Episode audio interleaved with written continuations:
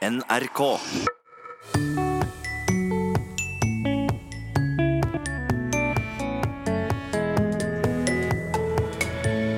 Hvilken ordbruk leda opp til Knut Arild Hareides historiske veivalg? Når Erna Solberg sier at vår dør står alltid åpen for KrF, så høres jo det i utgangspunktet hyggelig ut, men hun har heller gått inn i stua og kanskje ser TV med Siv Jensen. Vi byr på et retorisk drama i tre akter. Og vi møter to damer som hver på sin måte er flinke i fransk. Den ene er designer, Haute couture. den andre er ikke fullt så god i søm. Men jeg er veldig god med sånn eh, sprettekniv. Men sammen skal de utforske syfagets mange vakre ord. Vel møtt til Språkteigen. Kristelig Folkepartis partileder Knut Arild Hareide har gjort et historisk veivalg. Han velger rød-grønt samarbeid framfor blått. Hvilken ordbruk og retorikk i det politiske landskapet har brakt KrF til et slikt veiskille? Magnus Hoem Iversen, velkommen til Språkteigen. Tusen takk. Du er retorikkforsker ved Universitetet i Bergen og skal ta oss gjennom et eh, ja, rett og slett et retorisk drama i tre akter. Jeg vil si at det er et eh, skikkelig politisk drama i tre akter, ja. Det er ordentlig eh, dramatikk, det er virkelig spenning knytta til det som skjer, og det er også veldig uklart hva som kommer til å skje. Mhm. Og første akt handler om tida før forrige fredag, da Knut Arild Hareide avslørte sitt eh, ståsted. Du hadde allerede i en kronikk pekt på at Hareide måtte snu seg mot venstre. Ja. Hvorfor det? Jeg syns det lå litt i, i tidens tegn. Altså, det, det var rett og slett bare en tolkning av disse eh, retoriske symptomene. Hvordan var ordbruken da, og det retoriske landskapet rundt KrF før dette her? Ja, den eh, preges jo av spørsmålet hva, hvor går KrF? Og kanskje setningen 'noe må skje med KrF'. De stuper på meningsmålingene, og de, de har ikke helt klart å ta et, et tydelig standpunkt i, i retningsvalget sitt. Og da oppstår det jo mye undring rundt hva de kommer til å gjøre. Men så ser man også, hvis vi behandler dette som en historie, da, et par frampek på hva som kanskje kommer til å skje. Hva slags frampek? Et interessant frampek er, handler om Hareides nye venner. Og det kom i den siste partilederdebatten før forrige stortingsvalg. Og i en debatt om klima da, så sa Audun Lysbakken Nei, Jeg tror på deg, Knut Arild. Jeg vet du vil det beste, men du har dårlige venner. Det er problemet. Og de dårlige vennene han sikta til, var nok da Fremskrittspartiet. Og da har du jo sett ganske sterk ordbruk mot KrF og mot Hareide personlig fra den fronten. Eksempelvis så Det er et veldig sterkt bilde, språklig bilde, så har eh, Sylvi Listhaug sagt at Hareide sleiker imamer opp etter ryggen. Det jeg registrerer at Hareide og mange andre politikere bruker tida si på, det er å gå og sleike disse her opp etter ryggen, i stedet for å konfrontere folk med ekstreme holdninger. Og hun har også kalt eh, Frp et parti uten ryggrad. Jeg registrerer hva KrF har gjort eh, i denne saka her. Jeg opplever det et parti totalt uten ryggrad, uten styring, uten eh, vei videre. Mens Hareide på sin side, sin side har jo også svart, satt hardt mot- hardt mot hardt her. Han har beskyldt Listhaug for ren løgn. Og når Sylvi Listhaug kommer med et sitat som sier at KrF er mer opptatt av hvor mye bistandspenger som brukes, enn hvilke resultat det gir, at det er et faktum, det er ren løgn. Og han hadde også en finger i spillet med når hun måtte gå av som statsråd. Og Per Sandberg han har anklaga KrF for å ha et meget stort ansvar for at tusenvis av unge mennesker født og oppvokst i Norge lever i frykt for tvangsekteskap og kjønnslemleste, f.eks. Samt anklager KrF for å ha citat, et enormt ansvar for at fremmedkrigere fra Norge massakrerer barn og kvinner der ute. Da. Så det er rett og slett ordentlig hard ordbruk fra den ene fronten. Så kan du jo se litt på ordbruken fra Høyre og Arbeiderpartiet, f.eks. Der har jo Erna Solberg hele tiden vært konsekvent på at eh, vår dør står alltid åpen. Min understreking er altså at døren vår står åpen. Vi ønsker gjerne å ha KrF med. Og det er jo en form for invitasjon. Men når Erna Solberg sier at vår dør står alltid åpen for KrF, så høres jo det i utgangspunktet hyggelig ut. Men hvis man analyserer litt og tenker over hva slags type invitasjon dette er, så er den kanskje ikke så veldig varm. Altså, døra står åpen, men Solberg står ikke på, på trappa og vinker inn. Hun har heller gått inn i stua og kanskje ser TV med Siv Jensen. så får liksom Hareide, hvis han kommer på bedre tanker, får han tusle inn i gangen da. Samtidig så har det vært mer varm ordbruk på, fra Arbeiderpartiets side. For eksempel så sa eh, Jonas Gahr Støre at uh, i en tale så sa han jeg kan lese fra tid til annen at jeg flørter med Knut Arild Hareide. Det er feil. Det er mye mer alvorlig enn som så. Så Jonas Gahr Støre har rett og slett sittet i buskene utafor statsministerboligen og vært skikkelig amorøs? Han sitter i buskene og, og, og flørter vilt, kan man si. Mens eh, Vedum i Senterpartiet han bruker ofte anledningen til å påpeke hvor KrF og Senterpartiet er enige. da. Så det også er jo en annen type retorikk, der de liksom nærmer seg hverandre litt. Men det er jo bare ord. Politikk er politikk, og det du refererer til nå, er jo bare ord. Det kan du si, men eh, vi eh, som studerer retorikk, vi sier jo også at eh, ord også ofte er en type handlinger. Og at du kan egentlig ikke bare prate, du, du utfører også en oppgave med ordene dine. Og du kan snakke om talehandlinger. For eksempel så snakker man ikke bare man inviterer også. Man snakker ikke bare man advarer også, eksempel. Mm. Og dette er da det retoriske landskapet rundt KrF. Så kommer andre akt, den store avsløringa. Da slår Hareide på stortromma med bok og tale. Kjære landsstyre. Dagens politiske landskap krever at vi tar modige valg. Og mitt råd til dere er at nå er det tid for å undersøke muligheten for hva for politisk gjennomslag det er mulig å få gjennom et samarbeid med KrF Senterpartiet og Arbeiderpartiet uten SV. Og etter talen så endrer retorikken seg rundt den, naturlig nok, for dette er et historisk vendepunkt. Absolutt et historisk brudd, så det er ikke så rart at uh, både Høyre og Frp, og kanskje andre også, skvetter litt i stolene, rett og slett. Og også nå er ordbruken svært interessant. Jaha. Altså, deler av partiet Høyre innser jo at det har oppstått en slags brann i borgerlig leir og at de driver litt sånn brannslukking. Eksempel så rykker enkelte politikere ut og kaller KrF og Høyre for hjertevenner på en del saker. Og det er jo en, en veldig positiv ordbruk, og det høres veldig hyggelig ut. Herman Friele, den tidligere ordføreren for Høyre i Bergen, skriver i BT at, at altså han trygler rett og slett Hareide om at han må bli, at Vestlandet trenger han, og de trenger et godt samarbeid mellom KrF og Høyre. Så her er det forsøk på reparasjon, rett og slett. Så da har retorikken endra seg litt da, fra Høyre sin side? Ja, den har gått fra å være sånn dere kan komme inn hvis dere vil, til å bli mer sånn vær så snill og husk på at vi er venner, og husk på at vi tradisjonelt har samarbeidet mye, og vi, vi har deler verdigrunnlag og den type ting. Hos Frp så er tonen noe hissigere, rett og slett. Eh, Maizar Keshvari kaller Hareide for en Judas. Han skriver om det ultimate forræderi, og bruker da ord som dødskyss for å kommentere handlingen. Og dette er jo kjent stil, kan vi si. Det er harde ord, og også i veldig bibelske toner, rett og slett. Som kanskje er litt passende for situasjonen, men som nok eh, Hareide og KrF ikke syns så mye om.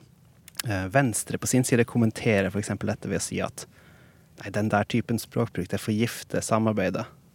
Forgifter samarbeidet på høyresiden av politikken. Så her, eh, her rykker folk ut og vi ser både invitasjoner og fornærmelser, kan vi si, hvis vi skal se på det retoriske i det. Og det begynner å komme advarsler om at hvis dere går til venstre, så må dere forholde dere til Sosialistisk Venstreparti. Og det er jo en advarsel for mange i KrF. Og så kommer det advarsler om at hvis dere går til venstre, så smeller døra vår igjen. Mm. For nå er det ikke lenger bare Jonas Gahr Støre som eh, står i busken utafor trappa hos eh, Erna Solberg. Vi skimter òg Audun Lysbakken fra SV. Da er Støre og, og Hareide på kanskje i sandkassa sammen, og så kommer uh, Lysbakken ut fra busken. Mm. Men det er jo ikke bare retorikken rundt KrF som endrer seg. Knut Arild Hareide endrer jo òg retorikk. Og hvilke grep er det han gjør? Man kan si at det er led, en leders privilegium og oppgave, kanskje, enten man er en politisk leder eller en åndelig leder, å sette navn på flokken sin og si sånn er det vi er. Og vi kaller det her for eh, konstitutiv eller skapende retorikk, da. Og det handler litt om hvordan man med ord kan invitere et publikum inn i en slags felles identitet, og hvordan man skaper folk gjennom språk, rett og slett. da. Så hvis man er fotballtrener, og en av spillerne blir takla og blir liggende og sutre litt, kanskje, så kan man enten rope en ordre. Man kan si 'kom deg opp', de andre holder på å score. Eller så kan man heller invitere til en annen form for atferd, en annen form for identitet, ved å si ja, vi på dette laget, vi reiser oss alltid med en gang om vi faller. Så dette handler om å skape en fortelling om det liksom kollektive selve, som, hvis den blir godtatt, legger noen føringer. da. Og hvordan gjør Hareide det? Jo, for eksempel så konstituerer han Han forsøker å skape KrF-ere som folk som er opptatt av eh, tillit i samfunnet, og at den synker, og at de må unngå et kaldere samfunn. Så implisitt prøver han egentlig å si at vi KrF-ere, vi er på mange måter sosialdemokrater. og det vil jo legge føringer for hva slags politikk man kan føre. F.eks. man vil jo da søke mindre forskjeller mellom folk, kanskje unngå profitt i velferden. Og dette er jo venstresidesaker. Så han forsøker liksom å berede grunnen for at, for at KrF kan ta steget, rett og slett. Og da er vi i akt tre. Hva skjer der? I akt tre, som vi står midt i, Ja. så blir det da tydelig at dette kan rett og slett bli veldig vanskelig for Hareide. Én ting er at han har sagt sitt og sagt sin mening om hvor han vil gå, men hvor går partiet? For det er ikke gitt at han får deres støtte på dette. Det er det kamp om. Og det som preger akt tre, som er kanskje overskriften Hareide, dette blir vanskelig, er at det er en, en vill kamp om historien, og en vill kamp om definisjonsmakten. Og så er det én ting som er spesielt interessant, og det er jo det at ordbruken rundt eh, Hareides valg i seg sjøl er litt spennende. Noen eh, omtaler f.eks. Hareides valg som en kuvending, og kuvending har jo lite med fe å gjøre. Ja. Men eh, det er jo et maritimt uttrykk, og det er at man på seilskuta si styrer unna vinden og svinger helt rundt, sånn at skuta går helt den andre veien. Ofte sett på som et nederlag for en god seiler i gode gamle dager, da. Men det vi mener i dag, er jo at det er en total forandring av meninger eller standpunkt. Og det høres jo ut som man da er inkonsekvent, man er ja, man, man eh, flipp-flopper, rett og slett. Man kaster seg etter vinden. Mm. Mens andre kaller, bruker andre ord. De bruker f.eks. ord som at dette er et modig veivalg. Dette tegner jo et annet bilde. I, hvis man forstår dette som et modig veivalg, så sto jo da Hareide foran f.eks. to ulike stier og måtte velge en. Og det gir en helt annen situasjonsforståelse da enn denne kuvendingen på åpent hav. Mens andre kommentatorer kaller kanskje situasjonen for et politisk jordskjelv, da. Ja. Og, og det bringer jo oppmerksomheten mer mot det usikre i dette, at dette skaker fundamentet på borgerlig side. Det, altså, nå kan mye skje. ja, hva nå? For Knut Arild Hareide og Kristelig Folkeparti? Ja, det blir det veldig spennende å se. Det, en, det blir en veldig spennende tid framover i norsk politikk. Eh, fra et retorisk synspunkt så kan jeg jo si at Knut Arild Hareide nok har gjort det lettere for seg sjøl ved å faktisk ta et valg. Han har lenge, spesielt ved sist valgkamp, blitt kalt eh, utydelig og vinglete. Og nå unngår han nok i hvert fall det, men han har kanskje skaffa seg nye problemer. For det gjenstår jo å se om partiet og velgerne støtter han. Mm. Men nå er det i hvert fall lettere for han å manøvrere retorisk. Fordi hvis man forsøker å blidgjøre alle, gjøre alle til lags, det er veldig vanskelig. En veldig vanskelig retorisk oppgave som nesten alltid fører til utydelighet. Så han må bare holde på sin nye retoriske plan, egentlig? Ja, nå har han, eh, hvis vi er tilbake på havet, så har han bundet seg til masta. Ja. Og der, midt i et dramatisk høydepunkt, slutter tredje og siste akt i vår fortelling. Men fjerde akt er jo emninga og når vel et høydepunkt under landsmøtet 2. november. Takk til deg, Magnus Hoem Iversen, som er en del av retorikkgruppa ved Universitetet i Bergen. For ei stund sia fikk Språkteigen en e-post fra Torbjørn Tummer Nilsen. Han skrev Hei, Språkteigen. Jeg mener å spore en mulig sak i NRK-programmet Symesterskapet. Dommerne, og kanskje spesielt Tine Solheim, ser ut til å ha et svært bevisst forhold til de vakre ordene i syspråket. Og ofte har jo disse en interessant historie, skrev han. Vi falt for tipset fra Torbjørn, satte reporter Helle Therese Kongsrud på saken, Og hun fikk bekrefte at det ligger interessante historier bak flere av ordene i sømfaget. Dette er un creation. Kjempekult. Tusen takk. Du har blitt kjent med henne gjennom tre sesonger av Symesterskapet på NRK. For meg er dette bare topp cool fashion, altså. Alle sømmer og overganger stemmer. Tine Solheim, veletablert designer utdanna i Paris. Slik ble hun presentert av Kristine Hope. Jeg har møtt henne i atelieret hennes i Oslo. Så her driver jeg i og for seg da en lærebedrift med lærlinger. Og så driver jeg jo da min vanlige designvirksomhet som jeg har gjort i alle år. Med syersker og modellsøm og konfeksjon. Tine har et veldig bevisst forhold til språk. Hun irriterer seg over at hun sjøl legger på et ikke sant og et eh, liksom en gang iblant, og pirker når noen har feil uttale. Haute couture? Haute couture. Haute couture. Og det betyr jo det uttales, altså Du uttaler ikke H-en på fransk, så du sier haute, ikke sant? Ja, en kan få prestasjonsangst av mindre, men Tine Solheim veit hva jeg prater om. Ja, altså jeg har jo mange år fra Frankrike. Jeg er jo det jeg pleier å si et UD-barn. Jeg hadde en far i, i, UD, ikke sant. Og da er du født i Washington, og så begynner du på barnehage i Frankrike, og så var det Island, og så var det Brussel. Jeg har ganske mange år fra barndommen og skolegang på fransk.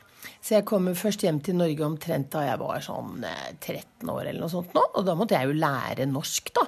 Og omtrent. Og si sjokolade og kjøtt og skjørt og sånn. Det var jo ikke noe lett. Og hva er det som gjorde at du bestemte deg for at søm og design, det er det jeg har lyst til å drive med? Ja, Det var jo egentlig en litt pussig sak, da. For at etter videregående Jeg gikk jo på musikklinje på videregående. Og etter det så tok jeg forberedende og førsteavdeling juss, ikke sant. Og så husker jeg at jeg snakket med faren min, de bodde i Bonn på det tidspunktet. Og så sa jeg til faren min at dette er jo gørr kjedelig, altså. Å sitte og måke seg gjennom eh, Norges lover på, mm, på handelsstanden nede i Karl Johan, ikke sant. Jeg holdt på å kjede vettet av meg. Og da var det faren min sa skal du endelig høre på meg og gjøre noe kreativt. Og så ringte han da konen til norsk ambassadør i Paris, fru Halvorsen, for hun var nemlig skredder av utdannelse. Og det visste han, så han ringte fru Halvorsen og sa hva kan vi finne på med henne. Og jo da, og da fant de på at École de la Chambre syndicale de la haute couture, som er da haute couture-syndikatets skole i Paris, der måtte jeg kunne gå, ikke sant. Men det var jo en videregående skole. Altså Pers Buch og de, de hadde jo gått fire år på kunst- og håndverksskolen her i Norge før de endte opp der. ikke sant? Så, så, jeg kom der, da, men jeg kom inn på prøve, og fordi jeg da selvfølgelig snakket flytende fransk og, og sånn, og satte i gang. Og da oppdaget jeg jo at jeg kunne jo egentlig fint lite, for de fleste hadde jo tatt svenneprøven på forhånd og sånn. Så jeg tok da svenneprøven på kveldstid ved siden av. Jeg sto jo på i 100. Det var jo dødsgøy fra ende til annen. Og slik havna Tine midt i sømsmørøyet. Veldig mange av sømbegrepet har nemlig rot i fransk, og siden vi har hørt at eh, min fransk er så der, så har vi henta inn språklig kompetanse. Eh, jeg heter Kristine Meklenborg Salvesen og er førsteamanuensis i fransk ved Universitetet i Oslo. Kristine er sjøllært på symaskin, og ifølge seg sjøl litt sjuskete når det kommer til sømmer som ingen skal se. Det blir jo aldri helt pent, da, men jeg er veldig god med sånn derre eh, sånn, Hva heter det, sånn sprettekniv. Den har jeg måttet bruke mye. Men jeg syns det er litt gøy. Jeg synes det er veldig gøy å utfordre seg litt sjøl, for jeg er veldig teoretisk. Og så er det veldig morsomt da å skulle sy og måtte faktisk tenke tredimensjonalt. Tenke hvordan de, de bitene her skal henge sammen. Og hvis du i tillegg da legger på et fôr, og så skal fôret og det, selve stoffet skal feste sammen, og så alt dette her sånn tredimensjonal enhet, det er um, det er, morsom, det er, en morsom øvelse for en som ikke er så veldig praktisk anlagt. da. Så det er gøy. Med disse damene i Hort sitt hjørne bør vi ha lagt et godt grunnlag for å lære mer om hva disse vakre sybegrepene betyr, og hvor de kommer fra. Og hvorfor ikke begynne på samme sted som der innsender Torbjørn begynte? Eller vi hopper faktisk enda et skritt tilbake. Jeg vet ikke hvordan man syr på sånne dekorbånd. Ja, det vet ikke jeg heller. Det er en fordel å velge myke bånd som former seg veldig lett.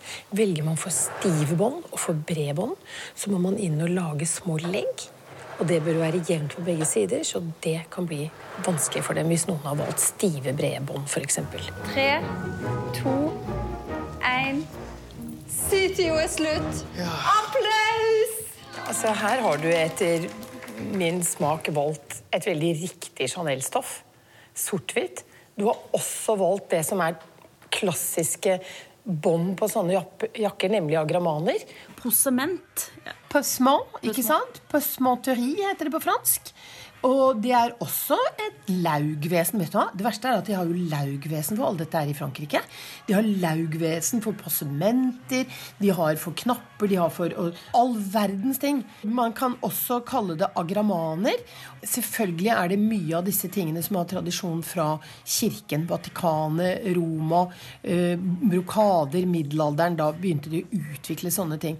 Så det er da egentlig en litt sånn tykkere tråd, på en måte. Og ofte er den tråden surret igjen. Så det man bruker det couture, drakter, bunader og eh, dresser.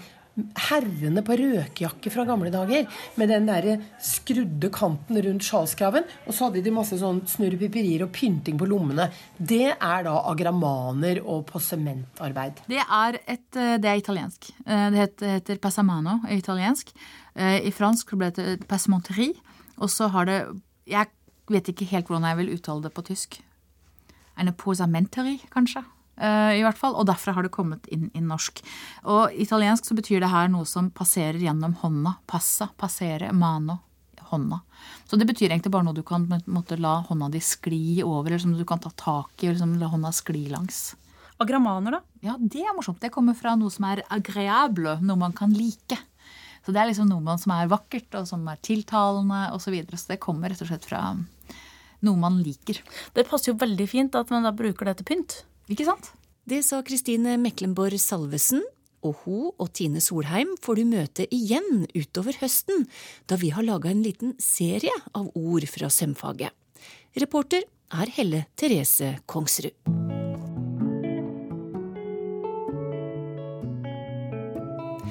I dagens lytterspørsmål skriver Vigdis Hagan. Vi prater ofte om levd liv, men er ikke det unødvendig? Alle liv er vel levd på samme måte som brød er bakt og hus er bygd? Og jeg sender spørsmålet til deg, Georg Kjøll. Ja, det er eh, helt sant, det Vigdis eh, sier her. Og det er eh, ikke bare sant, det er et veldig godt spørsmål, eh, som går rett eh, til kjernen av det jeg syns er et av de mest interessante spørsmålene i, i lingvistikken og, og språkfilosofien, nemlig om forholdet mellom, mellom ords betydning og definisjoner av ord, og hvordan vi faktisk bruker de, ja. og hvordan de endrer mening, og hvordan de forstås i sammenheng.